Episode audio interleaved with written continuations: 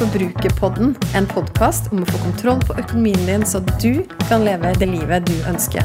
Jeg heter Kjersti Grønseth, er trebarnsmor og økonom, og er kanskje aller best kjent som forbrukerfrue. La oss snakke litt om forbruk, for alt starter med det.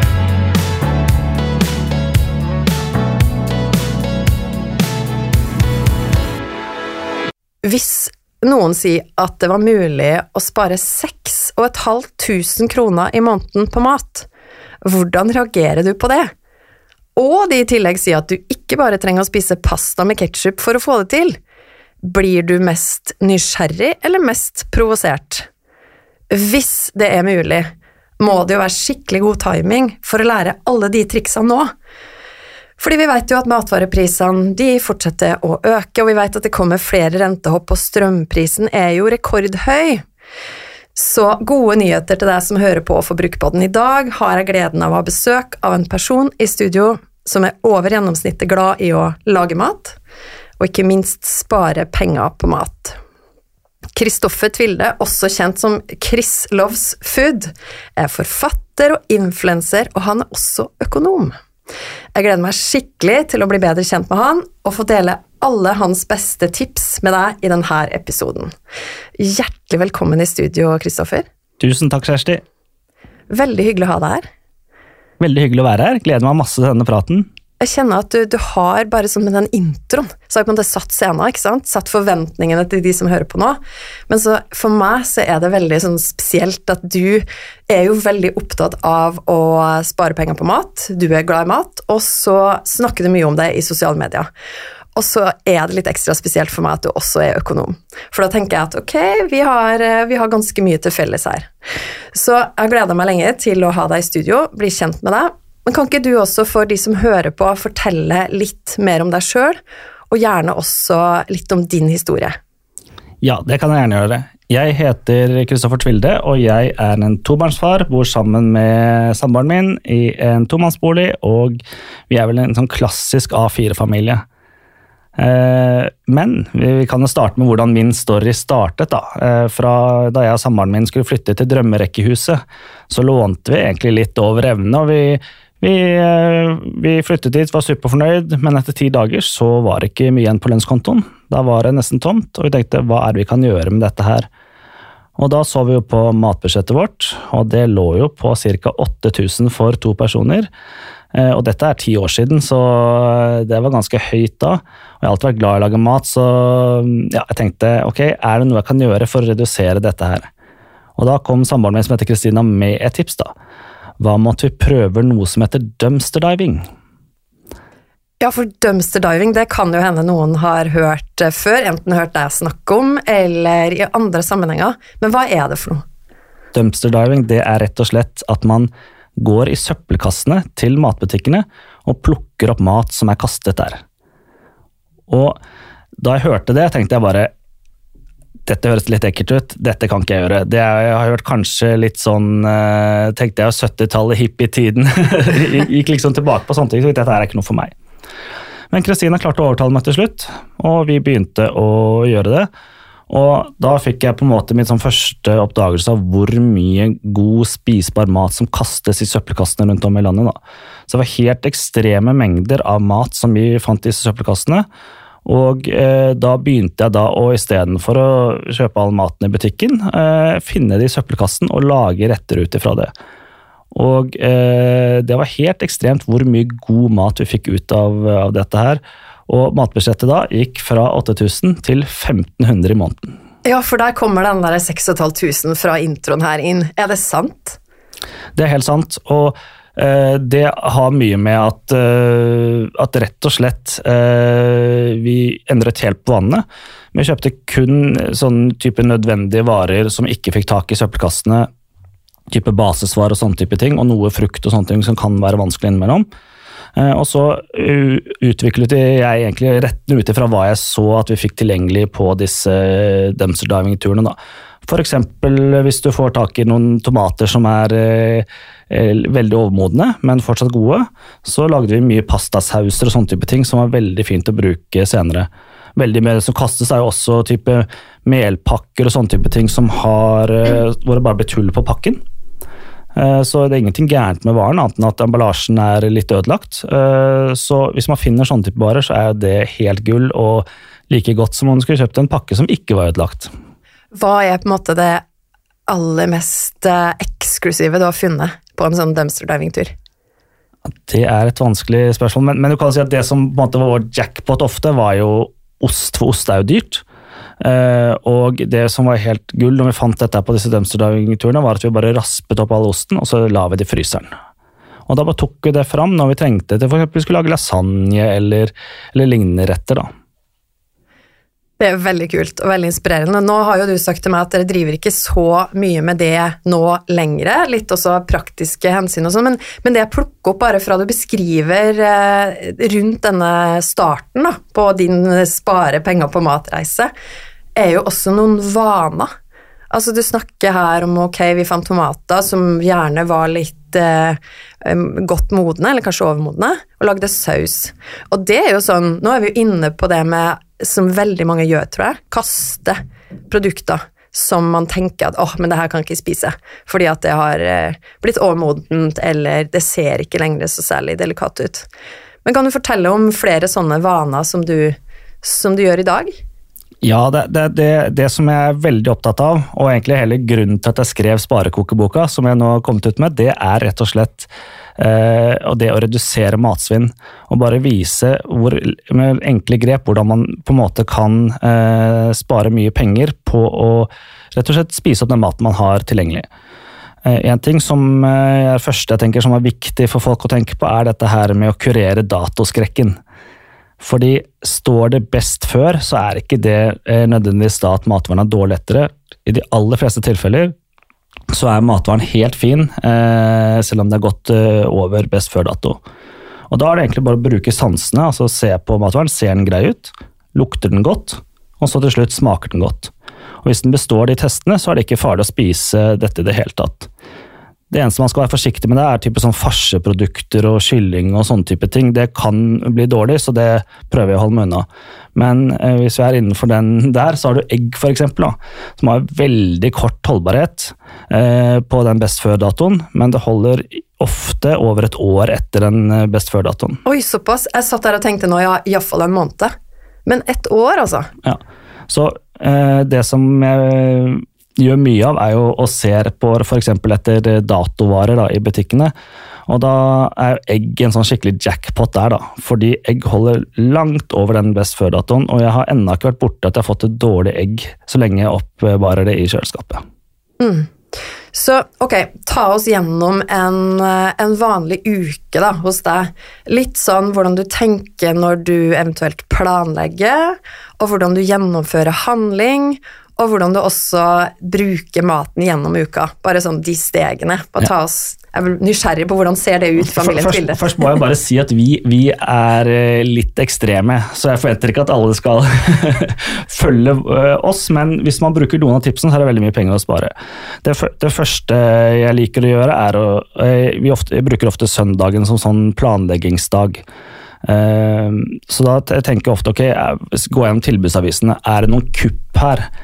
Eh, type, det var ikke så lenge siden. Mel har blitt ganske mye dyrere nå. Eh, hvor f.eks. man fikk eh, melpakker til ti kroner for en sånn to kilos pakke. Og da tar jeg og hamstrer inn da, så jeg har det til hele året. Eh, og Samme gjelder typisk det er noen billige olivenoljer eller sånne type ting da, som skulle, skulle, komme opp. Så da går jeg gjennom tilbudsavisene. Er det noen tilbud som er skikkelig bra? Eh, og så planlegger jeg middagen eh, for fire dager på den søndagen. Så skal jeg ha fire middager. Jeg prøver å ha to vegetarmiddager. Årsaken til det er at det er, er sunt for kroppen, bra for miljøet, men ikke minst veldig bra for lommeboka. Der er det mye penger å spare, og type bruker mye belgfrukter som kikerter, eh, bønner og sånne type ting. Det er Eh, koster kanskje en tier da, for en sånn liten pakke, og så trenger vi to for familien. Det er 20 kroner. Mens hvis du da skulle hatt et kjøttprodukt istedenfor, så hadde det kostet minst eh, tregangeren av den prisen. Sannsynligvis mer enn det også. Eh, så det er, da prøver vi å ha to vegetarmiddager i løpet av uka som planlegger for. Én fiskemiddag. Eh, når jeg da planlegger fisk, så kjøper jeg ikke den eh, ferskefisken. For du ser, hvis du ser i den eh, eh, ferskdisken med fisk, da, så er det veldig ofte opptint fisk der, som koster mye mer enn den du finner i frysedisken. Så med litt planlegging så får du et like bra produkt i frysedisken som du bare må tine dagen i forveien. Og så har vi gjerne en annen rett som er type kjøttbasert. da. Eh, men da er det fortsatt tre dager igjen. Eh, så det vi tenker på da, er jo ok, hva jeg gjør på de siste tre dagene. Da går jeg helt og holdent ut ifra hva er det jeg har tilgjengelig i kjøleskapet, og fryser og kjøkkenskap. Er det noe jeg kan lage noe mat ut ifra da? Og da eh, har jeg fast minst én restemiddag i uka, eh, gjerne to, og en eh, litt sånn surprise-middag, som kan være hva som helst. er det noe som slår an hos barna, eller? Det høres veldig gøy ut, sånn i dag er det surprise-middag. Det blir veldig ofte type sånn eh, Du kan si eh, pannekaker, vafler, sånne type ting. Det er jo veldig typiske ting man har allerede tilgjengelig i, i kjøleskapet. Og så eh, kan det også være f.eks. rislapper, som jeg ofte lager. Vi, vi, når vi har middag, så pleier jeg Jeg har blitt så vant til at vi bruker restene nå, at jeg, jeg lager heller litt mer ris, og så tar jeg vare på den risen som er igjen, og lager rislapper av det til eh, kos på kvelden, eller det kan være en middag etterpå, f.eks. Ok, La oss stoppe litt der, da, for ris. Her tror jeg du er inne på et litt sånn smertepunkt for mange, særlig familier, kanskje. Og inkludert meg sjøl. Fordi at vi prøver hvis man følger, Ok, la oss starte der. Man følger anvisningen på pakken over antall porsjoner. Det blir altfor mye, alltid. Enig? Helt enig. Og så er det litt sånn, så vet jeg at Apropos datoskrekk, altså mange har veldig skrekk for å ta vare på ris. Faktisk også litt, inkludert meg sjøl. Så jeg har diskutert mye med mannen min, og han bare sånn Nei, men vet du hva, det er helt trygt, og vi kan lage så masse bra ut av den risen vi tar vare på. Så du nevnte rislapper som er en konkret ting. Har du, har du, andre, har du andre konkrete ting som du lager av rester fra ris? Det, det, kan bli en sånn eh, crazy asiatisk miks, som jeg kaller det. på en måte. Da tar jeg, Det er egentlig en sånn stekt risrett, hvor du eh, har risrestene og steker det sammen med noen asiatiske sauser. Det kan være soyasaus, eh, eller det kan være sesamolje og sånne type ting. Det er egentlig det jeg har tilgjengelig. Og så kutter jeg opp noen grønnsaker og blander det inni. Så kan du gjerne legge på noe, et egg eller et eller annet sånt oppi der, så du får litt protein, og så har du en helt helt fin rett som eh, kan funke bra til middag. Det er ikke alltid det er like populært blant eh, barna mine, men da kan man f.eks. Eh, det er ikke alltid jeg og Kristine har lyst på rislapper til middag, men barna blir ganske fornøyd med det uansett. Så da kan vi heller lage sånn at de får rislapper ved siden av, mens vi spiser den asiatiske Crazy asiatiske crazy rismiksen, da. Veldig bra. Du her for Du som hører på Forbrukerpodden i dag, du får allerede masse tips. Jeg håper du tar notater underveis. Og det med ris, jeg tror du nevner det i boka di òg, at det er jo viktig å på en måte kjøle det ned i hjernen og så sette det kaldt da etter man har brukt det. Og da har det god holdbarhet. Helt riktig. Og det, det som er farlig, er hvis du lar det stå på kjøkkenbenken over natten, og så bruker det. Eh, da vil jeg altså kaste det. Mm. Så det som er viktig der, er jo at du trenger ikke å ta det inn med en gang eh, etter å ha lagd det, men eh, så lenge du er innenfor én til to timer etter middagen er spist, så er det ingen fare i det hele tatt å legge det i en lufttett beholder i kjøleskapet. Og da er det disse bakteriene som utvikles i risen, og de rekker ikke å utvikle seg, og da er det helt trygt å spise. Og så skal man helst varme det opp etterpå, eller bruke det i noe som du varmebehandler? Ja, det er veldig greit. Så jeg bruker det, veldig, jeg bruker det ikke kaldt. Eh, og det gjelder også det samme med pasta, da. Så akkurat samme regel som gjelder der. Har du noen sånne crazy, magiske pastaretter da, av eh, pastarester? Det som alltid slår an og er veldig greit, er å lage type sånn eh, gratenger. Eh, og det kan være alt fra eh, fiskegrateng, for jeg bruker denne frosne fisken som jeg har kjøpt, og så legger jeg det sammen med pasta og lager en sånn hvit saus og drysser over med litt ost. Eller det kan være en grønnsaksgrateng eh, som jeg bare tar og legger i ovnen og lar den godgjøre seg der i 20 minutter med litt ost på toppen f.eks., og så er det da en enkel og knallgod middag som lager seg selv. da med da pastarestene som du hiver inn. Ja, riktig. Så jeg bruker, jeg bruker det, og, hvis det er, og det jeg tenker er viktig på, det er ingen rester som er for lite, så føler du at det er litt for lite pasta her, så kan du supplementere med andre ting. Og eh, om du da koker opp mer pasta, eller om det er mer grønnsaker, eller om det er poteter du legger der i tillegg. Altså det, det er bare fantasien som setter grenser, da. Det er skikkelig inspirerende. Veldig, og jeg synes også Fordi det er jo en del som har snakka om det med både datoskrekk og det med å, og viktigheten av å spise opp maten, og så føler jeg kanskje at folk hører det, inkludert meg sjøl igjen, og så er det litt sånn ja da, men så er det rester som går da i søpla, i hvert fall i en travel hverdag. Men, men det her er jo, høres jo ikke ut som det er så veldig tidkrevende heller, egentlig. Det er bare den bevisstheten, og litt kunnskap da om hvilke retter du faktisk kan lage. Absolutt, og, og jeg tenker også at det som er veldig viktig å tenke på her, er at det er man må ikke ha en sånn der såkalt fullverdig middag hver eneste dag. Eh, det er helt greit, eh, som vi har snakket om litt tidligere, altså bare spise eh, ostesmørbrød til middag. Ha f.eks. barna gulost på brødskiven og komme og ikke spise den til, i matpakken, så kan man bare putte den i ovnen og eh, lage ostesmørbrød av det som de kan få til middag eller kvelds. Det er helt greit at, eh, at man gjør, gjør, sånne løsninger også. Og det, det, er jo mye som skjer i en travel hverdag, så det er ikke sånn at vi alltid rekker å sette oss sammen og spise eh, en time rundt bordet og ha en skikkelig sånn familiestund. Så det er ofte vi må bare ha mat i farta. Da er sånne typer løsninger veldig greit. da. Og jeg tror da for mange at eh, det er sånne mat i fart alternativ og løsninger nettopp i en travel hverdag som ender opp med å bli dyre. Og så liker jeg veldig godt det du sier med det handler litt om bevisstheten på det, og tanken på at mat er mat, på et vis. Fordi er det rester, så kan man jo tenke Æsj, de har ligget tre timer i den matboksen. Svett ost? Nei, det skal jeg i hvert fall ikke ha. Gå rett i søpla. Eller så kan man tenke at ja, men hvis du varmebehandler den, laget et ostesmørbrød, så er det jo egentlig et fullverdig ostesmørbrød.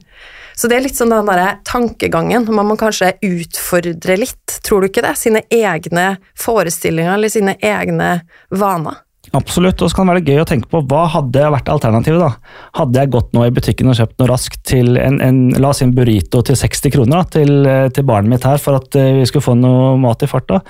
Kan tenke deg hvor mange sånne det blir i løpet av et år. da, Hvis man er litt bevisst på det, så blir det ganske store summer da, som man sparer på det. så det, det vi som familie syns er veldig gøy, at vi lager sånn sport det bare sier ok, faktisk hvor mye penger vi klarer å spare på å gjøre sånne valg, og at det blir på en måte en del av, av hverdagen. da. Eh, det kan også være sånn at eh, barna ikke får noe frukt på kvelden før de spiser opp eh, restene fra matpakken f.eks. Det er en del sånne ting man kan gjøre, altså også bevisstgjøre dem. Og det er rart hvordan de da får opp matlysten, kontra hvis de ikke hadde fått det valget.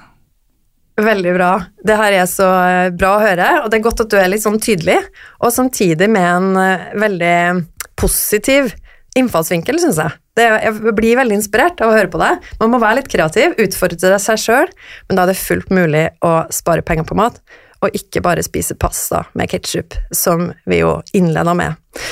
Apropos, nå fikk jeg lyst til å spørre deg litt om det med matpakke, for du har jo to barn, og bare nå i de siste i media så har det vært litt sånn hyl og skrik om skinkeost i noen barnehager, som bare, prisen på den bare føyk i været. Og da viste det seg at det er ganske mange som bruker mye skinkeost, og så var det litt debatt rundt det og sånn. Men har du noen sånne gode tips på og enkle grep for å spare penger på matpakka til barna? Det første er jo eh, selvfølgelig Det beste er hvis du baker brød selv. Eh, men det er ikke realistisk at alle skal klare en eh, travel hverdag. Så det jeg pleier å gjøre, er å se er det, Hvis du bruker mye brød da, i matpakken, som er relativt billig, så er det å se er det noe brød på tilbud som kommer i, på butikkene. Og Finner man billig brød, så pleier jeg å kjøpe inn litt store kvanta og kutte dem opp og så legger jeg dem i fryseren. For da er holdbarheten veldig lang, iallfall en måneds tid. Eh, så da kjøper jeg åtte brød da, til 20 kroner stykk. Så har jeg det gjennom en måneds tid, og kan bruke det til barna. Det må sies at På mitt badebudsjett så er jo barna de er ikke veldig sånn storspiste, så dette passer jo ikke for alle familier. Du, hvis, jeg, du, har tenåringer i hus, så tenker jeg de spiser litt mer enn eh, en seks-åtteåring som jeg har. Men, eh, men det, er, det er første tipset, er på en måte og dette her med å fryse ned brødet og ta det opp. Eh, og Da tar jeg bare opp skivene og smører de frosne og legger i kjøleskapet kvelden før. Og Så blir de myke og helt fine og ferske til barna skal spise dagen etterpå. Når det gjelder pålegg, så er det jo er, Skinkost er jo sikkert, tror jeg, populært siden det er veldig praktisk.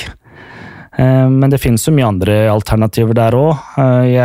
Vi bruker mye mm, type Vi bruker litt ost, som kan være ganske dyrt, men vi bruker mye sånn type leverpostei Eh, vi, har, eh, vi tar oss råd til f.eks. For, for yngste er veldig glad i makrell i tomat, så jeg ser er litt ålreit at de får i sånn, sånn, type mat. Så da tar vi oss råd til de små boksene faktisk til matpakken, selv om det kanskje er, at det er mye dyrere enn hvis du kjøpte en full boks, men av praktiske årsaker så lar jeg ikke det seg gjøre.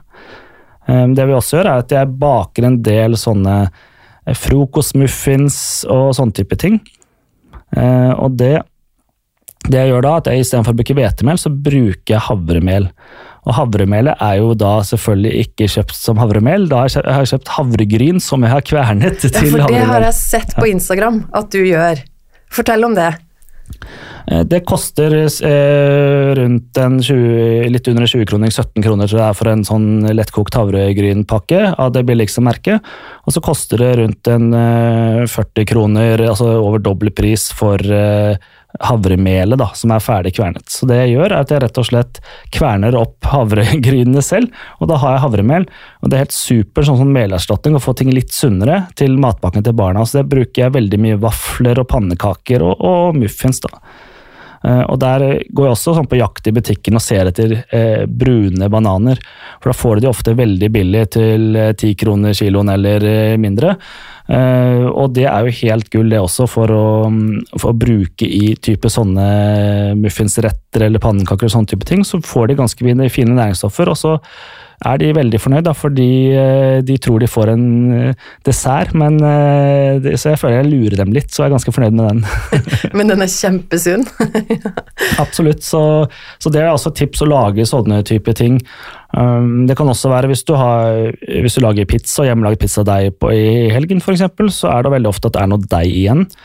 Uh, hvorfor ikke da bare bruke restdeigen til å lage noen sånne små pizzasnurrer som du legger i fryseren, og kan ta og legge i matboksen til barna. og Da blir de superfornøyd når de får, uh, får det.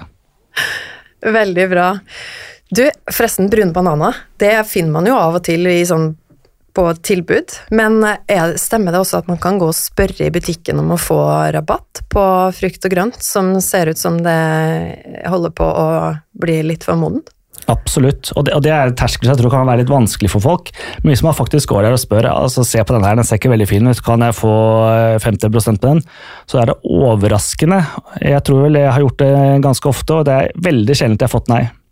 Ja, fordi at alternativet er vel fort at det havner i søpla? Absolutt. Eller at de nedpriser det til den prisen du spør etter. Da. At de ikke har rukket å gjøre det etter sånn type ting. Så det, det, er egentlig bare tenker jeg, veldig god sånn matredderegenskap å ta de varene og være litt eh, proaktiv der og gå til de ansatte i butikken og spørre om du kan få en rabatt på det. For det eh, får du stort sett hvis man går og spør og, og gjør det med stor frimodighet. Ja, ja, det er helt enig. Tenk at man ikke bare redder sitt eget matbudsjett og matpakken til barna, men også faktisk litt av verden.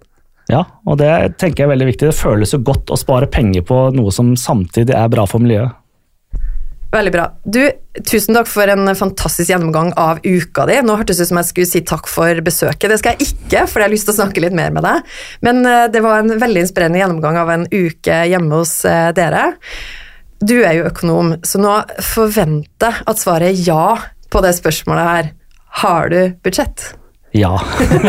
det var sånn nei. Nei, det kunne vært gode grunner til hvis vi ikke hadde det òg. Men eh, Og matbudsjett. Du har, har, du en eh, spesifikk sum som du setter av eh, til mat i måneden?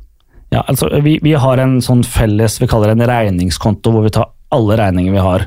Og så har vi i tillegg en liten buffer der eh, for uforutsette utgifter. Så eh, vi har alltid på en måte kontroll til at vi vet jo alltid har penger der, men vi prøver ikke å sette for mye der, sånn at eh, ja, Vi ønsker gjerne å spare de andre pengene på litt mer gunstige måter med tanke på avkastning. Men når det gjelder matbudsjettet, så prøver vi å holde oss på 6000 i måneden.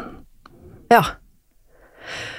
6000 i måneden, så det er altså en, en, en økning fra den dumpster diving-tida og 1500, og det er helt naturlig. Nå har dere jo også to barn i skole, og jeg vet jo at du har også sjekka det her opp mot uh, SIFO, eller Statens institutt for forbruksforskning sitt referansebudsjett. Der kan man jo plotte inn hvem man er i familien, hvor gamle, kjønn osv.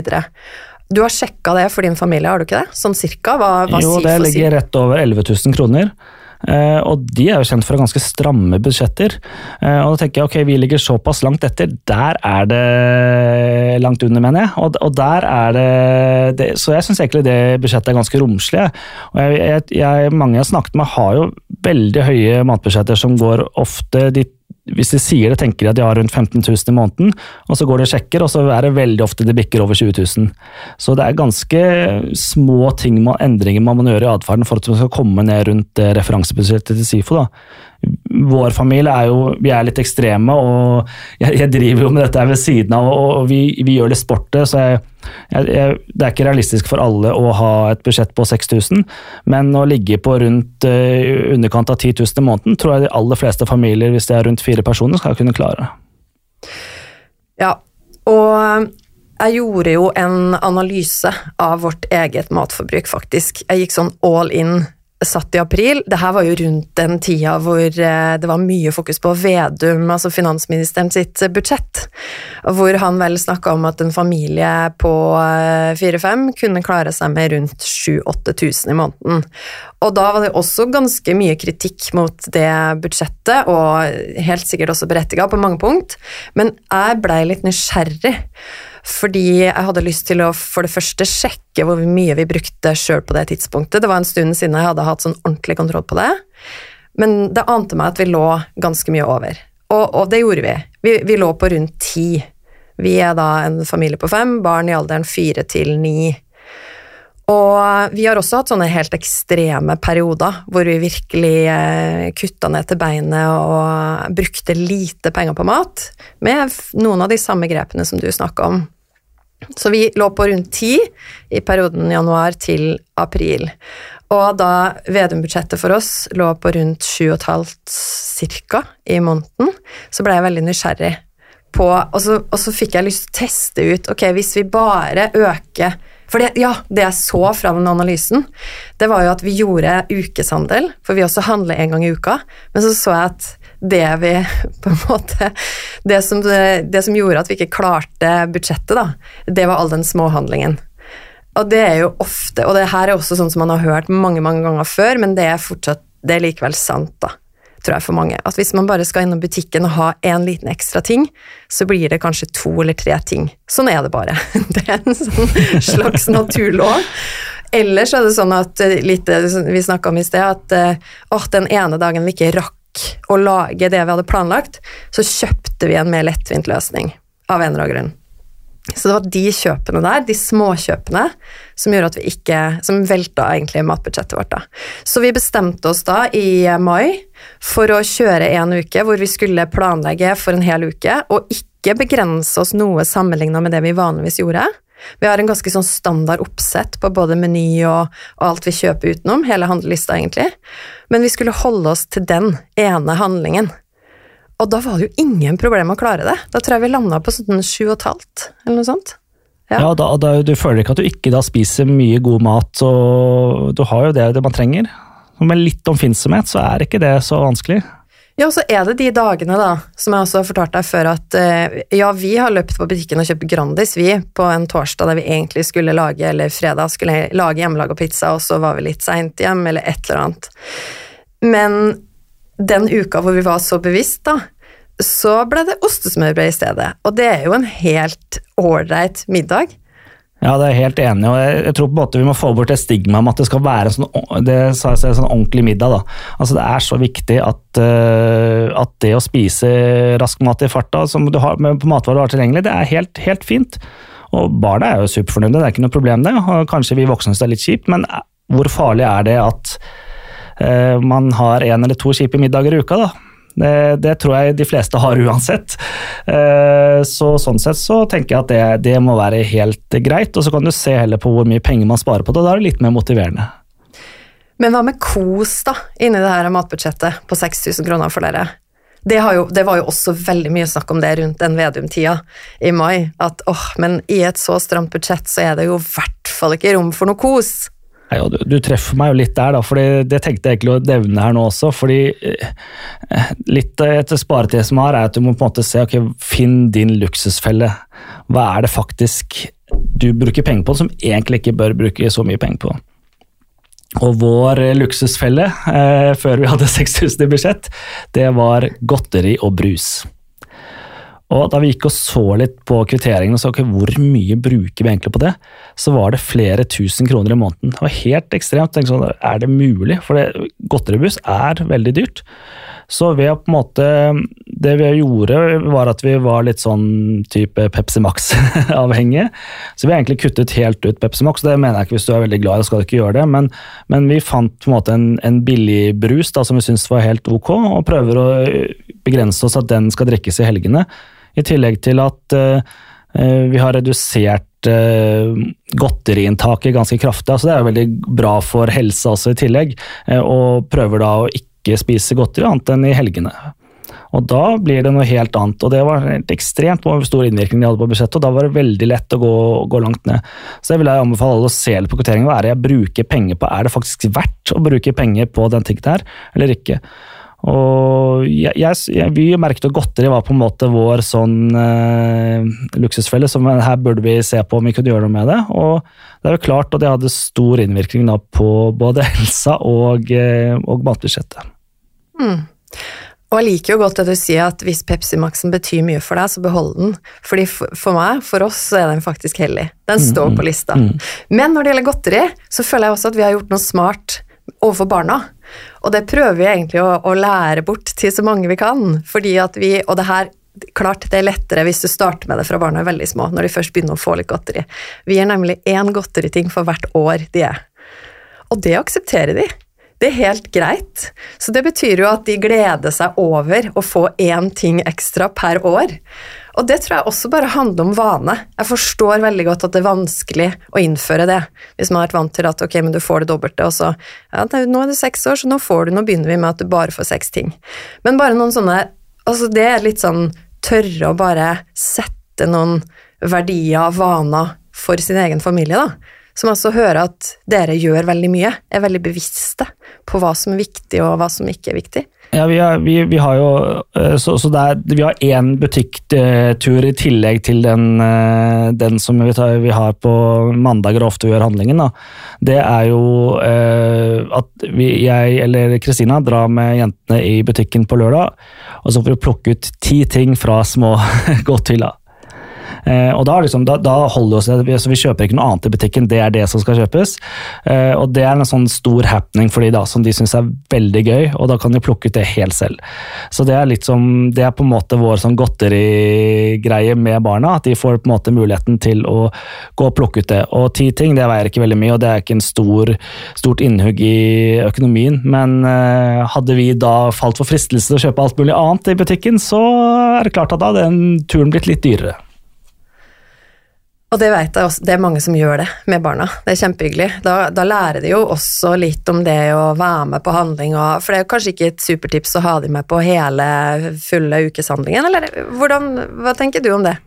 Der eh, unngår vi veldig å ha med barna. Eh, for det er jo veldig mye masing, og det er veldig lett at eh, de plukker med seg ting som de blir fristet på. Vi ser jo det selv òg, hvor, hvor lett det er å plukke med seg ting som man blir fristet på. Ehm, så hvis man ikke har mulighet til å ikke ha med barna på ukeshandling, eller blir veldig lett fristet av ting selv, så vil jeg faktisk anbefale at du bruker tjenester sånn som Oda og sånne type ting, og handler der isteden. For det er veldig mye lettere å bare uh, også sammenligne kilopris og sånn på hva ting koster. Uh, men, men, også lettere å ikke bli falle for fristelser. Da. Og selv om det koster litt med en levering, så er, ikke, er den summen veldig fort spart inn hvis det gjør at du får kontroll på impulskjøpene. Da. Godt tips. Du, når folk kommer til deg og sier at de ønsker å spare penger på mat, men syns, syns det er vanskelig, hva, hva er det de oftest syns er vanskelig? Jeg tror i første gang at uh, veldig få har et sånn bevisst forhold til handlingen sin, og hvor mye alle disse småbeløpene har å si. Uh, så det jeg anbefaler alle i første gang, er jo denne som vi har snakket om i dag, planleggingen først. Uh, nummer to er at jeg overraskende mange jeg snakker med, spiser ikke-vegetar i uka. Der er det veldig mye penger å spare, for det å redusere kjøttforbruket, det er eh, et skikkelig bra sparetips. Eh, ellers så er det type det å planlegge litt hva eh, Altså når du kjøper hvilke, hvilke, grønnsaker og frukter du kjøper, da. Som f.eks. gulrøtter og poteter og sånne type ting, er billige varer som har ganske lang holdbarhet og kan brukes i masse forskjellige retter. Så kjøper man en pakke med gulrøtter til 20 eller 25 kroner, da, så kan man bruke den til flere forskjellige middager gjennom uka. Og prøve å planlegge å bruke det man har i kjøkkenskuffen eh, til de forskjellige rettene. Så en gulrot kan være veldig fin å bruke la oss si en lasagne, hvor du kutter opp den sammen med løk, som også er billig. Uh, mens du kan bruke den, raspe den opp til en ja, uh, i vårrulle, for den saks skyld, hvis du skal lage det en dag. Uh, eller så kan du bruke dem kalde også i salater eller lignende. Så, så gulrot for eksempel, er en sånn superanvendelig grønnsak som er billig. Og prøve å basere litt ukeshandlingen på grønnsaker som også er i sesong, for nå kommer rotgrønnsakene nå i høst, og de er også Eh, mye billige som kål og, og um, sellerirot og sånne type ting. Det er veldig godt å lage stapper og sånne type ting, og de begynner å bli billige i pris nå, nå som høsten kommer. Du snakker jo om at det er fullt mulig å leve som en konge på budsjett. Og du har jo gitt noen eksempel nå på eh, både hvordan dere tenker i løpet av en uke, og retter. Hva er din absolutte favorittrett å lage på budsjett? Jeg har alltid tilgjengelig eh, egg i kjøleskapet, f.eks., for, eksempel, for det syns jeg er en sånn vennlig eh, matvare. Eh, så det vi ofte lager, er noe vi kaller sånn restetortilla. Det er altså hvis du har noen tortillalefser igjen etter fredagstacoen, eller uh, har en pakke liggende, uh, så tar jeg altså da og ser hvilke, okay, hvilke grønnsaker er det jeg har tilgjengelig i kjøleskapet. Så det er ikke noen fast oppskrift her, det er bare hva som er tilgjengelig. og Da er nesten alltid løk, og så kan det være La oss si at det er noe brokkoli, da. Så, eller en brokkolistilk. Så tar jeg og kutter det opp i små biter og steker med litt olivenolje i en panne sammen med pisket egg. Og så legger jeg da over eh, denne tortillalompen. Det kan også være litt ost hvis du har lyst på det inni der. Og så venter jeg i to minutter til den, eh, det egget har stivnet. Så snur jeg bare den rundt. Da blir det sånn lag med egg på en måte over hele tortillalefsen. Og steker på ett minutt på andre siden. Bretter sammen, og så har du en skikkelig god wrap som tar ja, fire minutter å lage. Og skikkelig snadder, og en sånn perfekt måte å få brukt opp restene. da fikk jeg ordentlig lyst til å prøve. Men du sier jo det at dere er litt ekstreme, samtidig som du er jo inne på vana som og Sånn er det jo ofte med vana, at når man først har etablert de, det tar kanskje litt tid å, å gjøre det, og bevissthet, men da er jo noe av det med fine med vana, at man klarer å, å holde på de over tid, de som man virkelig får eierskap til. Tror du det er Altså, hva skal til for å opprettholde det her over tid? Jeg, jeg, tror det er veldig viktig å på en måte si også at jeg eh, ryker på budsjettet innimellom. Altså Det er ikke alt jeg klarer 6000 i måneden. Og det skal ikke være sånn å nei, nå må jeg ta igjen det jeg har røket med. Da bare starter du på scratch igjen neste måned, og så prøver du å ligge der, prøve å gjøre justeringer så du kommer nærme det budsjettet som du ser på som er det jeg ønsker å bruke på mat i måneden. Da. Så det, du må jo være realistisk på at plutselig så skjer det ting i livet. F.eks. i sommer så røk jo budsjettet vårt, for da var det litt flere restaurantbesøk og sånne type ting. Og da er jo 6000 veldig vanskelig å holde. I tillegg til at det blir en del sånn isspising og sånn uh, ute. Men jeg tenker jo at uh, det er helt greit hvis man bommer på budsjettet innimellom, men prøv heller da å starte uh, motivert for neste uke og prøv å se, nei, neste måned og se okay, hva er det jeg kan gjøre her for å komme til matbudsjettet som jeg syns passer for meg. Veldig bra. Du, vi skal gå inn for landing av denne episoden. For en fin prat. Så mye gode tips. Igjen så håper jeg du som hører på har tatt notater underveis, eller så tror jeg faktisk du må høre episoden en gang til og notere. Noen siste råd fra deg, Kristoffer. Du har jo gitt masse, masse, masse underveis. Men de som hører på nå, kanskje spesielt de som tenker at ja, ja, jeg er jo egentlig god på det her, men så har jeg kanskje mista litt motivasjon, eller et eller annet, så har livet, logistikken, kommet i veien. Hva, hva er ditt beste råd? Mitt beste råd er at du, som jeg har nevnt tidligere, man må starte planleggingen og se på hva faktisk man bruker på mat. Hva tenker du er realistisk? Er det noe jeg kan slutte å eh, kjøpe inn? Kan jeg på en måte gå fra å handle hver dag til å handle to-tre ganger i uka? Bare en sånn liten ting vil gjøre ekstremt stor forskjell. Og så må jeg drive litt egen reklame, at det lønner seg faktisk å kjøpe kokeboka mi. For den eh, går an å spare penger på hvis du følger rådene der. Eh, I tillegg så har jeg en Instagram-konto hvor jeg kommer med masse tips og triks til eh, hvordan du kan spare penger. Der har du også mange fine sånne 'visste du at'?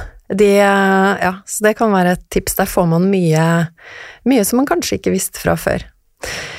Du, jeg vet en spennende høst for deg, så jeg vil bare ønske deg masse lykke til med alle ting du har på gang, og tusen hjertelig takk for at du ville komme til studio her i Forbrukerpodden og dele alle de gode tipsa dine med oss.